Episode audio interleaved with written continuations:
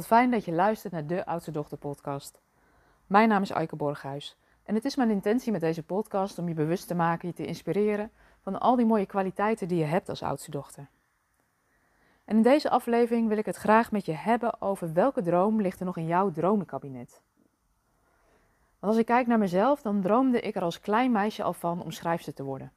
En ik heb heel wat uren achter mijn bureautje doorgebracht terwijl ik mijn eigen boekjes maakte. Ik pakte dan A4'tjes en vouwde die zorgvuldig dubbel met zo'n mooi nietje in het midden. Dat moest natuurlijk wel goed, dat moest wel strak.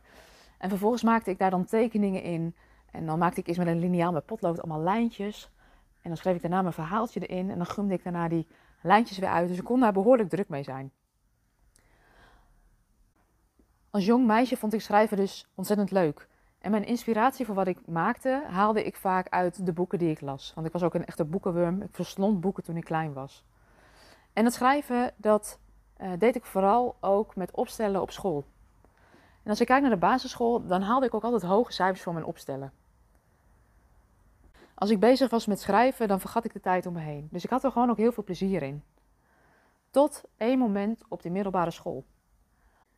Ik had mijn opstel ingeleverd en ik verwachtte eigenlijk een goed cijfer, want dat had ik tenslotte altijd gehad. Maar ik kreeg het opstel terug met een dikke onvoldoende. En de docent die me het opstel teruggaf, zei meteen: met die spelling van jou wordt het nooit wat. Achteraf gezien is dat een heel bepalend moment geweest in mijn leven, want vanaf dat moment heb ik geen pen meer aangeraakt. Ik heb jarenlang niet meer geschreven voor de lol. Ik heb alleen geschreven als het moest. En dan kun je denken aan verslagen op school, eh, verslagen in de studententijd en later in het werk ook wel rapportages die ik moest maken, verslagen die ik moest schrijven, jaarplannen die ik moest maken. Maar het plezier in schrijven voor de lol ben ik echt jarenlang kwijtgeraakt. Totdat ik begon met ondernemen en het gevoel had van hé, hey, nou kan ik gaan schrijven over de onderwerpen die mij interesseren. En ik heb een behoorlijke drempel moeten overwinnen om een blog voor mijn bedrijven op te pakken. En in het begin was ik uren en uren en uren aan het schrijven, uh, voordat ik überhaupt iets deelde online. Dat heb ik voor mezelf makkelijker gemaakt door Paulien te vragen van... hey, dit is, uh, dit is de blog, zou je willen checken op spellingsfouten... en zou jij ervoor willen zorgen dat die online komt? Wat voor mij de drempel om dingen te delen met de buitenwereld kleiner maakt. Maar het is wel bijzonder om te merken hoe één zo'n opmerking van zijn docent... Um, en ik denk niet eens dat hij het zich kan herinneren... dat dat zo bepalend is geweest voor de dingen die je doet en die je leuk vindt.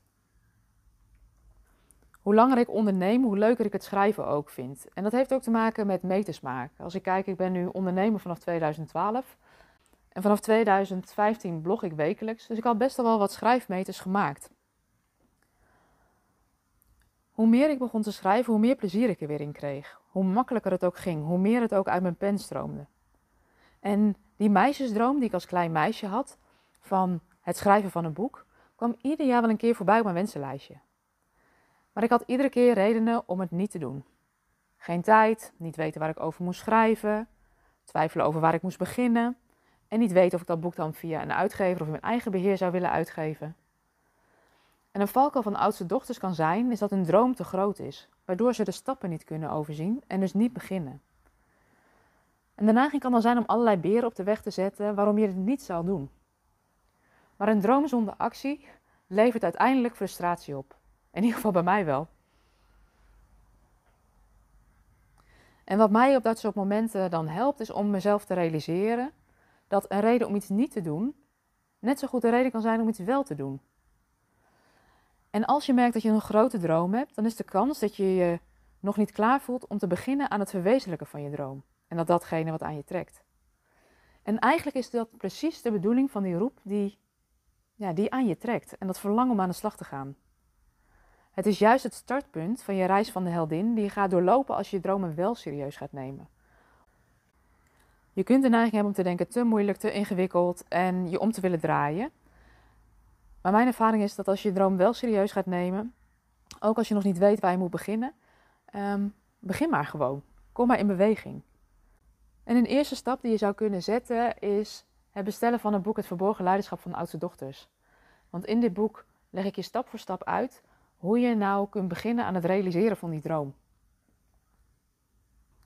En als ik kijk naar mezelf, uh, dan was die weg naar het realiseren van mijn droom, het boek Het Verborgen Leiderschap van Oudste Dochters, niet een weg van alleen maar successen.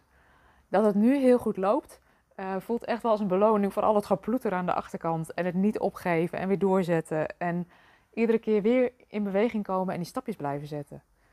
En ik gun het jou ook. Weet je, het mag stap voor stap. Je hoeft echt je hele leven niet overhoop te gooien als je die droom wilt realiseren.